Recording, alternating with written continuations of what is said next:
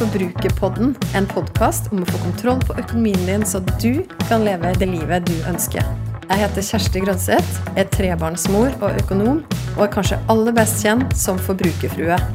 La oss snakke litt om forbruk, for alt starter med det.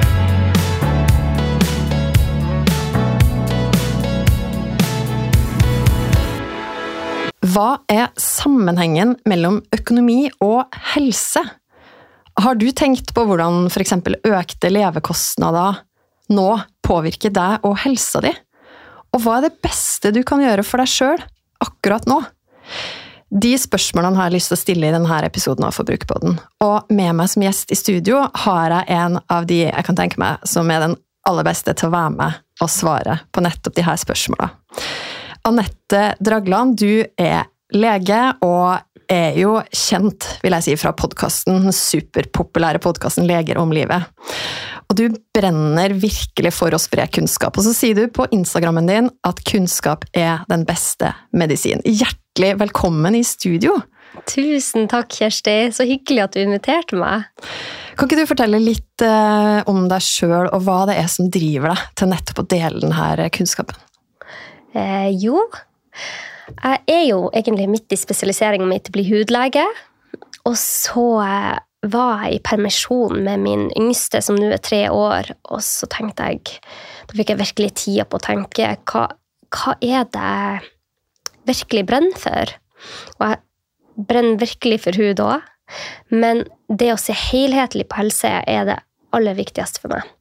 Så hver gang jeg har en pasient inne på kontoret mitt, så snakker vi ikke bare om hud. Vi snakker om søvn og mat og mikrobiom og forskjellige faktorer som påvirker oss. Og så tenkte jeg ok, nå skal jeg vie et år av livet mitt til å lage en podkast om helhetlig helse, så jeg kan gi de til pasientene mine, for jeg sa jo veldig ofte det samme igjen og igjen. Og så var jeg så heldig at jeg hadde ei svigerinne som het Ida. Kjempedyktig lege. Og hun brøn, satt også inne med veldig mye hun hadde lyst til å formidle. Så da ble vi enige om at vi starter en podkast i lag. Eh, hun ble med i hele første sesong. Jeg er evig takknemlig for det. Eh, og ettersom podkasten ble mer og mer populær, så ble det mer og mer jobb, og det var umulig å jobbe 100% ved sida. Ida ville fortsette å jobbe 100 og jeg gjorde det motsatte. Jeg trappa ned, og nå har jeg gått ut av min kliniske stilling for å fortsette med podkasten, og så skriver jeg bok og har søvnkurs og litt sånne ting. Men jeg gleder meg til å komme tilbake til pasientene mine nå, for det er virkelig der jeg føler den store mestringa. Jeg føler at det, der får jeg mye energi. Men akkurat nå så er det veldig viktig for meg å formidle kunnskap om helhetlig helse. Fordi at um, det å se på flere faktorer når det kommer til sykdom, eller kommer til å ha en god helse, er helt essensielt. Og det er opptatt av å formidle, og jeg håper at i helsevesenet så kan det skje endringer. Eh, ikke bare med min podkast, men med veldig mange nå som er ute og snakker om helhetlig helse. Og Apropos flere faktorer som påvirker helsa, så har jeg jo lyst til å Det her er jo en økonomipodkast, ja. som du vet, og jeg har lyst til å dykke litt ned i akkurat det med økonomi og hvordan det påvirke helsa vår. Mm. Så for å starte med å stille deg veldig åpent spørsmål, hva, hva, er sammenhengen som du ser det mellom økonomi og helse? Det er en kjempestor sammenheng mellom økonomi og helse. Den er mye større enn man tenker. Fordi at hvis man har en god økonomi, så, um, så er ikke dette noe som gir deg stress i livet du har det greit og komfortabelt, du har mat, du har et eh, hus å bo i, du har bil, regningen blir betalt, du trenger aldri å tenke på at hvis neste måned eh, Hvis oppvaskmaskinen går neste måned, så har ikke jeg penger til å reparere den. Men med en gang økonomien begynner å skorte, så blir dette et altoppslukende problem. Fordi du vet ikke om du kan reparere bilen når du begynner å høre ulyder på den. Du vet ikke om du får råd til å kjøpe så fine julegaver som du kjøpte til niesa di neste år. Det er mye skam i det å få en dårlig økonomi. Og akkurat nå er jo vi i en periode der mange får dårligere økonomi. Og når man går fra å ha en Én ting er å ha dårlig økonomi hele livet, det, er en, det, det må vi snakke om. Men det er veldig mange nå som går fra å ha en ganske grei økonomi til å ha det ganske mye trangere. Og det er så mye skam i det, har jeg sett hos mine pasienter, at de, de vil ikke engang snakke om det. De vil ikke ta tak i økonomien sin. De, vil ikke, de later som det problemet ikke eksisterer, før det går alt, altfor langt. Og da kommer de ofte til meg eh, før jeg jobber som fastlege, og da kommer de til meg når det har skorta helt. ikke sant? De har ikke betalt eh, husregninga si på leie, leia på mange måneder, og de må selge bilen, og de må bli sykemeldt for at de er så stressa og utkjørt av det her. Det jeg er opptatt av å ta bort skammen fra det å ha dårlig økonomi. For at i Norge er vi så privilegerte at veldig mange har hatt god økonomi veldig lenge. Eh, og, og liksom det å ha dårlig økonomi, det, det, det, handler om de og ikke meg. Men plutselig rammer det deg, og da mm, hvis man merker at økonomien begynner å skarte, så er det så viktig å ta tak i det da. Ikke et halvt år frem i tid. For det er så mange ting du kan gjøre på den veien, sånn at om et halvt år så sitter ikke du der på bar bakke. For det å sitte på bar bakke, som har skjedd noen av mine pasienter har endt opp med mm, på Nav, og ha, må ut av huset, må selge huset, må få tre barn inn i en leilighet som de får fra Nav, det det er en kjempestor påkjenning. Men så må vi også huske på at det har vært veldig mange i Norges land som ikke har hatt god økonomi, selv om har, eh, økonomien til Norge har gått bra de siste årene. Det er en betydelig mengde personer som lever på fattigdomsgrensa i Norge, og som har hatt det trangt veldig lenge. Og for de så det er veldig vanskelig. Det er veldig vanskelig for barn å fortelle etter sommerferien at ikke de har råd til å, å At de ikke har vært på ferie. Det mye, det er så mye skam i dette. Så eh, tilbake til Jeg er veldig opptatt av forskning, da, og det viser jo det at hvis man har dårlig økonomi, eller hvis man har høy gjeld eller er bekymra for økonomien, så har du større sannsynlighet for å bli deprimert, få angst, få mentale lidelser. Du har eh, større risiko for søvnproblemer, og man vet at søvnproblemer igjen er korrelert med alt mulig av sykdommer. Det blir en sånn ball som begynner å rulle. Eh, så det å ta tak i økonomien nå, når vi alle merker vi alle merker det her, eh, så kan man gjøre endringer og få oversikt som gjør at du slipper å få det der stresset som kommer hvis man ikke har oversikt over egen økonomi. For den skal man ikke ta lett på. Stress mm. er en av de største årsakene til sykdom. Eh, så ja, vi kan gå videre inn på hva vi skal gjøre etterpå, men eh, det som er viktig, er det, det, det, aller viktigste for meg å formidle, er at hvis man merker at man får dårligere økonomi, så snakk med noen om det. Og så må vi snakke mer om det i samfunnet, for det skal ikke være skambelagt å ha dårlig økonomi. Mm. For det er ingen sin feil at man har dårlig økonomi. Ja, for Her nevner du jo flere stikkord som stress og skam, og så nevner du også samtaler og møter med pasienter som, som du har, mm. har hatt. Mm. Og på hvilket tidspunkt er det du opplever at de kommer til deg? Altså Kommer man når det egentlig har slått ut i alt dette, altså at bekymringene, søvnproblemene har slått ut i sykdom? Eller opplever du også at det med økonomi kan være et tema som blir tatt opp i en, si en vanlig helsesjekk da, hos fastlegen? Oh, jeg skulle ønske at det siste stemte, men ofte kommer de til meg av helt andre årsaker. Og så begynner jeg å nøste litt inn i hvordan livet deres er, og så kommer økonomi opp. Så ofte så det har det gått så langt at de har begynt å få symptomer på forskjellige sykdommer, eh, søvnproblemer, eh, angst, depresjon. Og så kommer det opp det her med at de har slitt veldig med økonomien, kanskje skilsmisse. De har eh, ikke klart å holde oversikt. Så dessverre er det sånn at de som har kommet til meg med økonomiproblemer, har latt det gå så langt at det slår ut i dårlig helse. Og man trenger ikke ende, havne der. Mm. For at um, det er veldig mye hjelp man kan få hvis man sliter med økonomien. Heldigvis er det en god del hjelp man kan få i Norge. Jeg vet jo at du er veldig opptatt av forskning, Anette, og jeg researcha litt sjøl, og så så jeg at i 2020 så var det en studie som var gjennomført av noen norske fastleger. Og og overskriften på den studien var 'Har vi ikke stilt pasientene spørsmål om økonomi før? Må vi mm. gjøre det nå?' Mm. Og så fant de da at av de som var intervjua, jeg tror det var 500-600 pasienter, og så var det sånn at drøyt én av ti av de hadde pengebekymringer som førte til helseproblem eller helseplager som påvirka økonomien. Så egentlig akkurat det du, det du snakker om. Og så syns jeg også det var interessant at det gikk ofte noen lys opp der og da mellom da legen og pasienten mm. i den studien når man still, begynte å stille spørsmål. Mm. Har du noen sånn konkrete eksempel eh, og sånne samtaler fra, fra din hverdag som fastlege? Mm. Som du husker godt? Jeg synes eh, Den studien der er veldig bra. Og dette var i 2020. Én av ti. Nå er det tallet sannsynligvis høyere.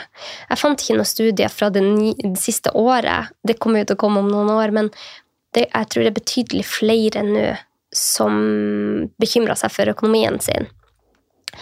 Og jeg har hatt masse, masse eh, pasienter som har kommet til meg for forskjellige eh, symptomer.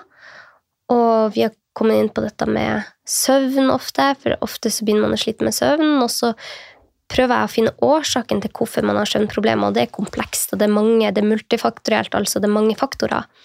Men hvis man nevner økonomi i den sammenhengen, så er det mange som åpner seg. Men det er veldig sjelden at jeg merker at pasienten kommer for å snakke om økonomi, for det er så skambelagt. Um, Også overfor sin egen fastlege? Ja. ja. For at, mm, vi må ikke glemme at det, det å ha økonomiske problemer handler ikke kun om um, kanskje i samfunnet så tenker vi at det er en sånn undergruppe som ikke har fått utdanning, og som har kanskje slitt med økonomi hele livet. Men det er veldig mange som er høyt oppe i det, samfunnet altså det man sier Høyt oppe i samfunnet, som har gode jobber, jobber i kommunen og er mye sett i bygda, men så sliter med økonomi. For at man Det er så mange ting eh, som kan gjøre at du får dårlig økonomi. Og det, det er spillavhengighet, det er skilsmisser, det er høyt forbruk. Det er som det, Og det å ha dårlig økonomi finnes i absolutt alle samfunnslag. Selv om man ikke skulle tro det. Mm. Det å ha bekymringer rundt økonomien sin. Så, ja. Og det har vært litt sagt eh, litt i media sånn i forkant av nå, nå begynner man jo å snakke om Man, man snakker jo ikke om resesjon i, i, Norge ennå, men dårligere tider definitivt for de mm. aller fleste. Mm. Det skrives det jo mye om og snakkes mye om. Og jeg husker at det ble nevnt på tidspunkt for noen måneder siden at hvem er det som kommer til å slite framover? Altså med tanke på um, økte levekostnader, høyere rente på boliglån osv. Og, så videre, og, og strøm og mat også, selvfølgelig. Og, og, da ble det nevnt liksom to grupper. Og den ene det var jo de som kanskje gjerne hadde dårlig råd fra før. Mm. Men den andre gruppa, og det er jo litt eh, kobla til det du snakker om nå, er gjerne folk som har i utgangspunktet en god inntekt, mm. men som også gjerne har høye lån. Mm. Og det treffer jo. Og der har jeg også på, gjennom mine kanaler hatt en del samtaler med folk som har sendt meg til og med konkrete regnestykker på, på forventa økning i rente, og sagt at please, fortell meg at vi har regna feil. Ja. Og så sier jeg at eh, jeg tror faktisk at det her var riktig.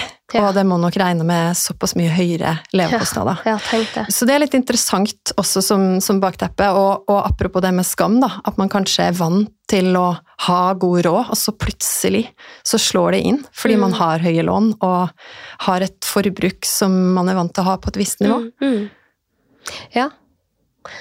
Det er, det, det er veldig mye i det du sier. og jeg måtte jo selv ta noen valg. For to år siden så slutta jeg som hudlege. Og så har jeg jobba i en 50 %-stilling som, som helsestasjonslege. Men det er, det er betydelig dårligere lønn enn jeg hadde tidligere. Og jeg selv måtte gått den reisen der jeg plutselig måtte skru ned forbruket. Plutselig måtte tenke over det jeg kjøpte, og eh, hvordan jeg skulle gjøre det eh, videre. Planlegge. Og det har vært skikkelig bra for min egen eh, Ikke bare min egen økonomi, men min egen eh, helse, fordi at jeg har en plan. Jeg vet hva jeg har, og så vet jeg hva jeg ikke kan bruke mine penger på. Og jeg har stramma inn betydelig. Vi kjøpte et hus for to år siden, et rekkehus, og vi har nesten ikke kjøpt noen nye møbler. Vi tok med det vi hadde, og så har vi vært på bruktmarkeder, og jeg har vært veldig nøye med hva jeg har brukt penger på. Så jeg selv måtte sett hvordan det å ikke ha den inntekta man er vant til Jeg gikk ned til Første året så hadde jeg en femtedel av det jeg vanligvis tjente. Det har vært veldig bra for meg å For man blir mye mer eh, bevisst. Jeg kjøper ikke masse klær som er unødvendig. Det er bra for miljøet òg. Jeg, jeg, jeg tenker over når det handler mat, hva det er slags mat det handler. Vi kaster nesten ingen mat. Så man kan gjøre det til noe positivt òg, at det her eh, Vi blir mer eh, opptatt av hva vi bruker pengene våre på. Vi spiser hele brokkolien med stammen. Vi, vi utnytter det vi har. Eh, så på et vis så kan det jo være bra å få en liten aha-opplevelse av at oi, jeg kan spare inn veldig mye her. Så man kan jo dreie det til noe positivt, men det er klart når du har så dårlig økonomi at du er redd for at du ikke får betalt eh, reparasjon på bilen neste måned, så er det noe helt annet. Da er man jo eh, da, Det er veldig tøft, og det har jeg sett hos mine pasienter. At eh, det fører til økt stress, og stress er Stress er en av de De symptomene, eller hva skal jeg si, en av de årsakene til uhelse i befolkninga. Fordi at hvis du går rundt og er stressa for noe, la oss si at man er stressa for et parforhold, eller man er stressa for økonomien, man er stressa for jobben, at man har en sjef som ikke behandler deg bra. Kroppen vet ikke forskjell på hvordan stress er. Stress manifesterer seg i kroppen helt likt. Altså, Man har en HPA-akse, hypotalamus pituitary adrenal gland. Veldig, du trenger ikke å huske det. Men det er rett og slett en, en, en signalvei der vi produserer mer kortisol og adrenalin, det er stresshormoner. Så hvis man går rundt med for mye stress rundt den økonomiske eh, situasjonen man er i, så kan dette føre til at man går med kronisk lavgradig stress. Og det er jo den nye folkesykdommen nå, at veldig mange går rundt med stress. Eh, Verdens helseorganisasjon har jo sagt at det er en ny epidemi, epidemi for én av tre opplevde daglig. Eh, og hvis man trigger binyrene til å produsere stresshormoner hver dag, dag ut og dag inn, så kan det føre til veldig mye annet. Så det å få kontroll på stresset kan være kanskje noe av det viktigste vi gjør for helsa vår. Og hvis man ikke får kontroll på økonomien, så klarer man heller ikke å få kontroll på stresset. Så det jeg sier til mine pasienter Jeg er jo ikke utdannet økonom, sånn som du. Eh, så jeg hjelper dem med de fysiske symptomene deres og de mentale lidelsene. Men jeg sender dem til Nav. Der er de kjempeflinke. De har sosionomer, de har rådgivere. Der kan man få hjelp helt gratis i Norge. Og det finnes også Veldig mange har venner som er gode på økonomi. Eh, eh, det å ta og rekke ut handa til noen du stoler på, og prøve å få Nei, å, å snakke med noen om det. Det er, Brené Brown, en av de eh, fremste forskerne på skam, sier jo det at er det én ting skam ikke tåler, så er det dagens lys. Mm. så hvis man bare tar hold på den byllen ah, nå kjenner jeg at de, de rentene har gått så opp at jeg, jeg begynner å få problemer med å betale ned. Hvis du får sagt det til bare én eneste person, så vil du merke at skammen forsvinner, i hvert fall om ikke helt, mye mer. For det å sitte inne med en sånn skam er ikke bra for deg. Og det gir deg stress. Det gir deg kortisol og adrenalin. Det gir deg dårlig søvn. Så det er en sånn syklus, eh, det er en sirkel som vi må stoppe. For det er en dårlig syklus for oss. Og det er så utrolig mye vi kan gjøre for å stoppe det og ta tak i det.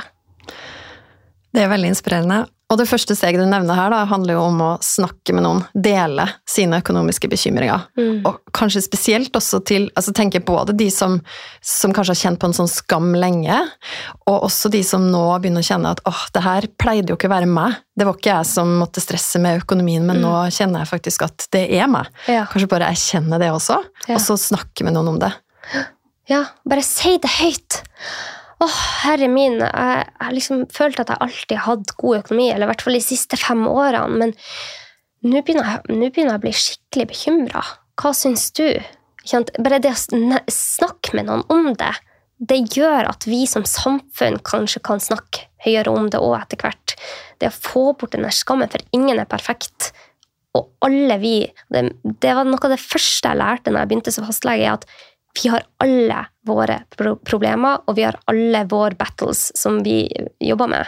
Mm. Eh, men vi sitter i hvert vårt hus og tør ikke snakke med andre om det, for vi er så redd for at noen skal tenke vondt om oss, eller vise en, en side av oss som ikke er perfekt. Og da er vi jo litt inne på den delen som er, vi innleder med, altså hva, hva kan man gjøre? Og det å snakke med noen, det er første steg. Eller Mm. kanskje også erkjenne at det her er noe som jeg stresser med, og det kommer kanskje av en skam. Og, og, og jeg syns det var veldig interessant det du sa også når du deler din egen historie nå. For du sa jo at det påvirka også din egen helse på en positiv måte, det å ha en plan Mm. og bli bevisst. Mm. Jeg synes det er litt interessant når For du gjorde jo et bevisst valg med å ta en annen jobb. Mm. Og, men egentlig så er det ikke så veldig annerledes det som skjer med f.eks. en økning i levekostnader.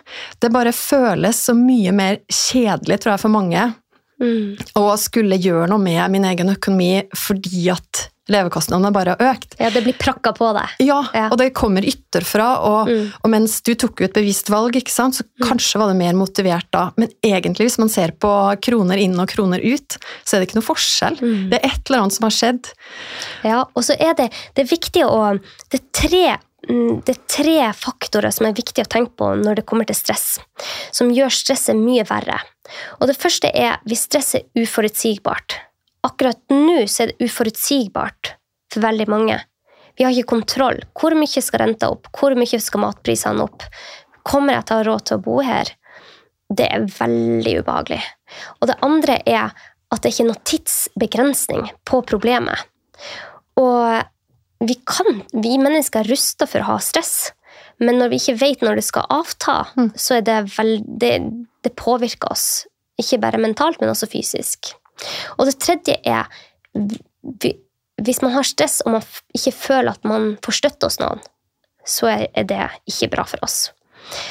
Men man kan gjøre noe. Man kan ikke gjøre noe med at verden er et, i et uh, uforutsigbart miljø akkurat nå. Men man kan gjøre noe med um, hva planen din framover. Hvem skal jeg snakke med? Da får jeg støtte. Det vil gjøre stresset mer håndterlig. Hva skal skje hvis renta går opp med 2% Hva skal jeg faktisk gjøre? Sette seg ned og snakke med noen på Nav, eller en venn, eller noen som har peiling på det her. Sette seg ned og lage en plan. Hvor mye tåler min økonomi før det skjærer seg? Eh, og legge en plan for hva skal jeg gjøre da, hvis det skjærer seg? Hvis om seks måneder renta har gått opp til 10% og du ikke har råd til å beholde lånet, hva er planen min da? Det å ha en plan Mm. vil gjøre stresset mye mer håndterbart enn hvis du kommer der om seks måneder og ikke har peiling på hva du skal gjøre. Så hvis du bare setter opp dette nå, og det gjorde jeg selv i 2020 når jeg plutselig hadde mye dårligere økonomi, satte jeg meg en sånn plan. Hva skal jeg gjøre neste sommer hvis ikke jeg har fått inn lønn?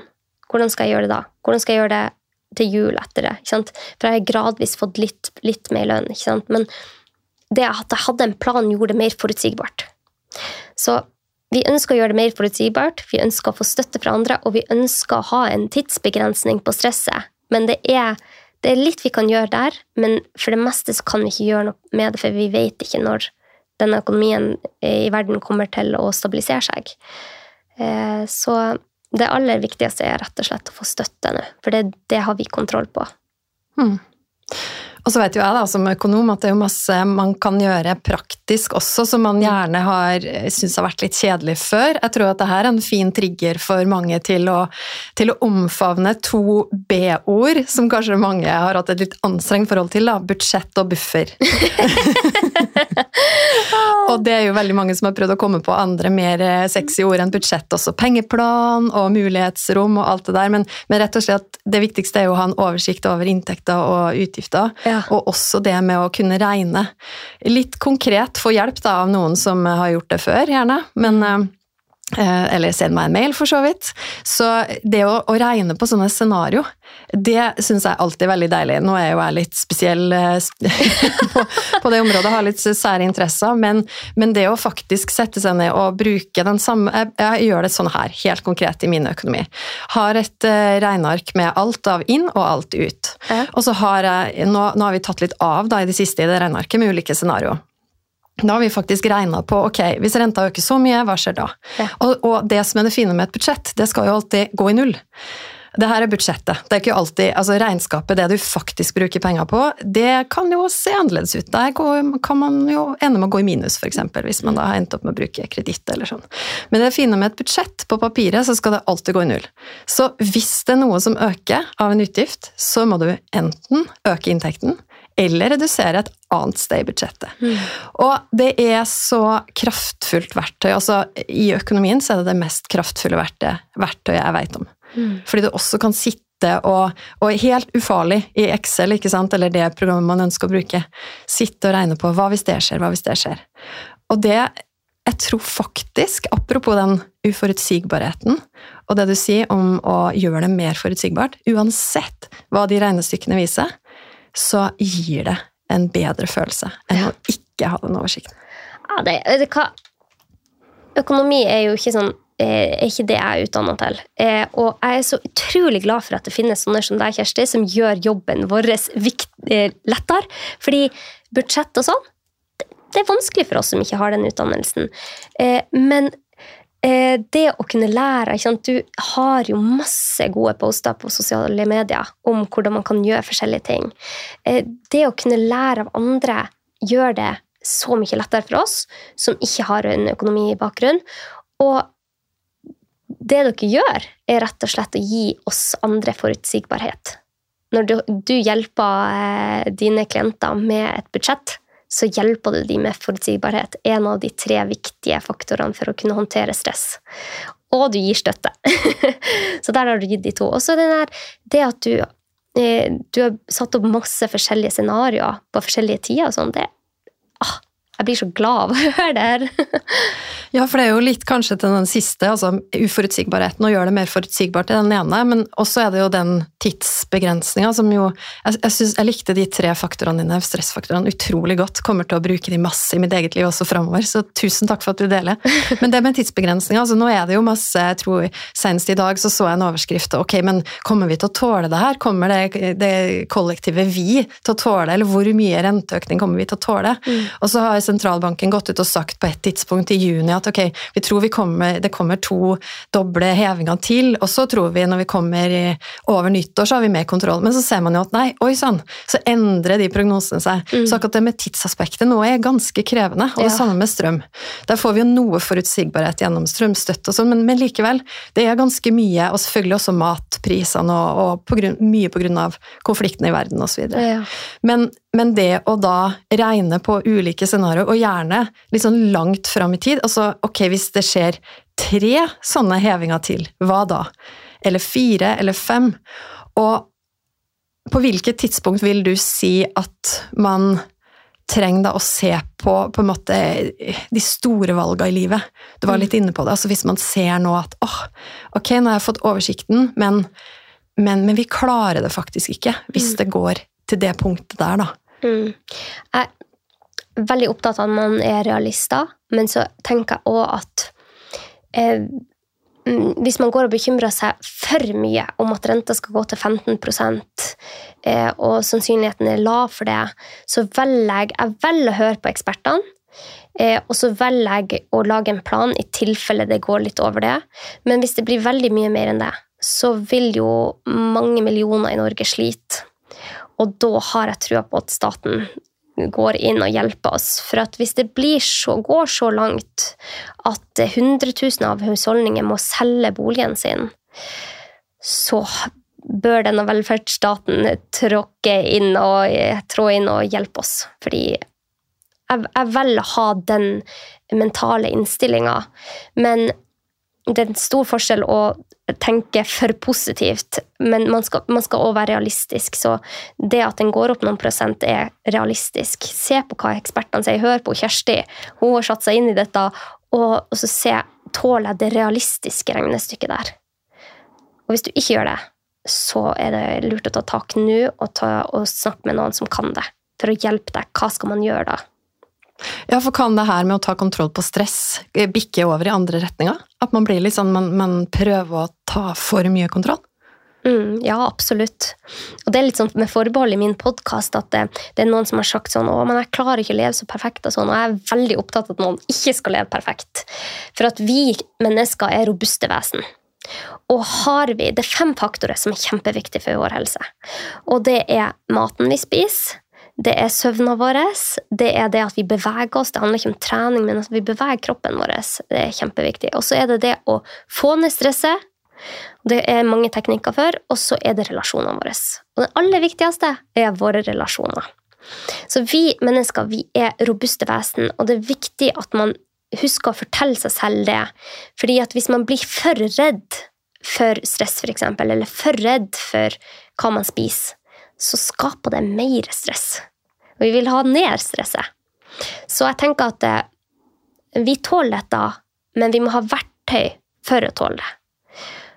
Og verktøy er annet budsjett. Det å snakke med en kyndig person.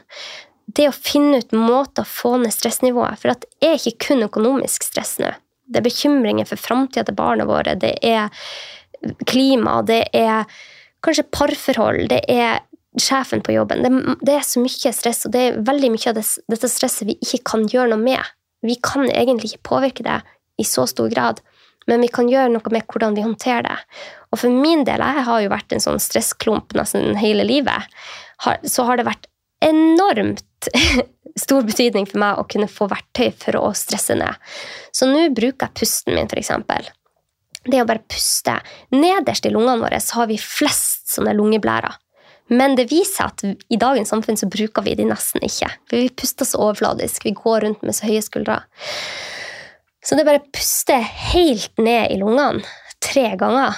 Det gjør jeg ofte rett før jeg skal inn i en podkastinnspilling. Sånn. Det, bare, det forteller kroppen min at her er jeg trygg. Og det er det jeg prøver å gjøre i løpet av dagen. Fortell kroppen min at jeg er trygg. For kroppen min vet ikke forskjell på at jeg ser en tiger eller at jeg skal i en podkastinnspilling. den merker ikke den. Den bare sender ut stresshormoner. Så jeg må fortelle kroppen min at oi, det var ikke noe tiger der. Mm. Det er ikke farlig, det her. Det er bare det er godt stress, det her. Jeg håndterer å være i en podkastinnspilling. Dette har jeg gjort hundre ganger før. Det, det å gi disse beskjedene til kroppen, så kan du gjøre så utrolig mye med eh, stressnivået. Og så, hvis jeg kan komme med et råd, så er jo meditasjon helt fantastisk. Altså, det er så mye forskning nå som viser hvor mye meditasjon kan hjelpe oss på stressnivået vårt. Og det styrka deler av hjernen som gjør at vi får et tjukkere filter for stress, rett og slett, hvis man kan si det enkelt. Vi håndterer stresset bedre. Så det er noen verktøy man kan gjøre. Og du har jo mange gode verktøy eh, til hvordan man kan håndtere det, de økonomiske bekymringene. Men jeg er jo en lege som er veldig opptatt av symptomer, så jeg må komme med noen av de òg. så tre dype pust og litt meditasjon, så kan man kaste seg over budsjettarbeidet etterpå? Ja, ja, og ta den jobben. Gjør den jobben. For det vil, det vil, det vil gi deg forutsigbarhet, og det er så bra for deg. Og gjerne med noen. Fantastisk, eh, Anette. Vi skal gå inn for landing av denne episoden. Tida flyr, vi kunne snakka om det her eh, kjempelenge. Veldig veldig spennende tema. Og jeg er så glad for at du er så konkret når du deler. Tusen hjertelig takk for at du deler din kunnskap og din visdom. Du som hører på nå, nå har du fått masse konkret. Du har lært at du kan puste dypt for å fortelle kroppen din at det er ikke farlig. Det er ikke tiger. Det er kanskje, det er kanskje skremmende prognoser på renta, men eh, med gode verktøy også for økonomien, så kan du ta kontroll på det det, å få oversikt. Oversikt gir overskudd, og forhåpentligvis tar det ned stress også. Tusen hjertelig takk. Anette, har du ett sånn sist Du har jo kommet med flere gode råd og tips, men en siste oppmuntring til de som hører på, som, som kjenner at åh, nå skal jeg gå ut i hverdagen og få ned stresset, og jeg skal sette ord på økonomiske bekymringer, andre ting. Finne, finne en god relasjon, trygg relasjon hvor jeg kan dele. De som kjenner seg motivert nå, hva, har du et siste råd å komme med til de? Et siste råd er å finne én person.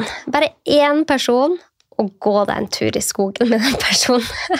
På søndag så hadde jeg Det var masse stress i livet mitt. Og så ringte jeg ei god venninne av meg og Tonje og så sa jeg har du lyst til å gå en tur i, i skogen i lag med meg. For at nå kjenner jeg at det, det, har blitt litt mye. Og hun bare ja, ja, ja, jeg er med. Så gikk vi en time i skogen, og det er helt utrolig. Alle bekymringer bare fordufta. Så det viser, forskning viser faktisk at det å puste inn skogens eh, de, Planter avgir stoffer som kanskje kan påvirke vårt stressnivå. Vi er så tett knytta til naturen. Og da får du også den nære relasjonen. Du får snakka ut om det du er bekymra for, og du får dagslys, som er kjempeviktig for søvnen vår. Så det, det, er en sånn gavepakke, det å gå ut. Gå en tur i lag med noen. Anbefaler det varmt hvis du kjenner at du har mye stress nå. Fantastisk. Tusen hjertelig takk igjen, Anette. Og så vil jeg også si til deg som hører på, at eh, ta den oppfordringen. Ring en venn og ta en tur i skogen. Og også hvis det er sånn at du har konkrete spørsmål etter denne episoden, eller helt konkrete bekymringer som du ikke veit helt hvem du vil dele det med, du kan gjerne starte å dele det med meg. Send meg en melding på Instagram, så tar jeg prat med deg videre der. Og, og spesielt også hvis du trenger hjelp til det med budsjett og sånt. Mm. Så Anette, jeg vil bare takke deg igjen og ønske deg masse lykke til i alt det spennende spennende som du eh, jobber med om dagen. Jeg gleder meg masse til boka. Når kommer den? Den kommer ut i neste år. Vi får se. Tusen takk for at jeg fikk lov å være med, Kjersti. Det var kjempehyggelig å snakke med deg. Jeg vil gjerne vite hva du tenker etter å ha hørt episoden. Så koble med meg på Instagram. Der finner du meg som forbrukerfrue. Send meg en melding. Tagg meg gjerne i Story og del episoden her hvis du likte den, eller send meg spørsmål. Og husk å abonnere på podkasten Forbrukerpodden, så får du beskjed hver gang det kommer en ny episode. Vi høres!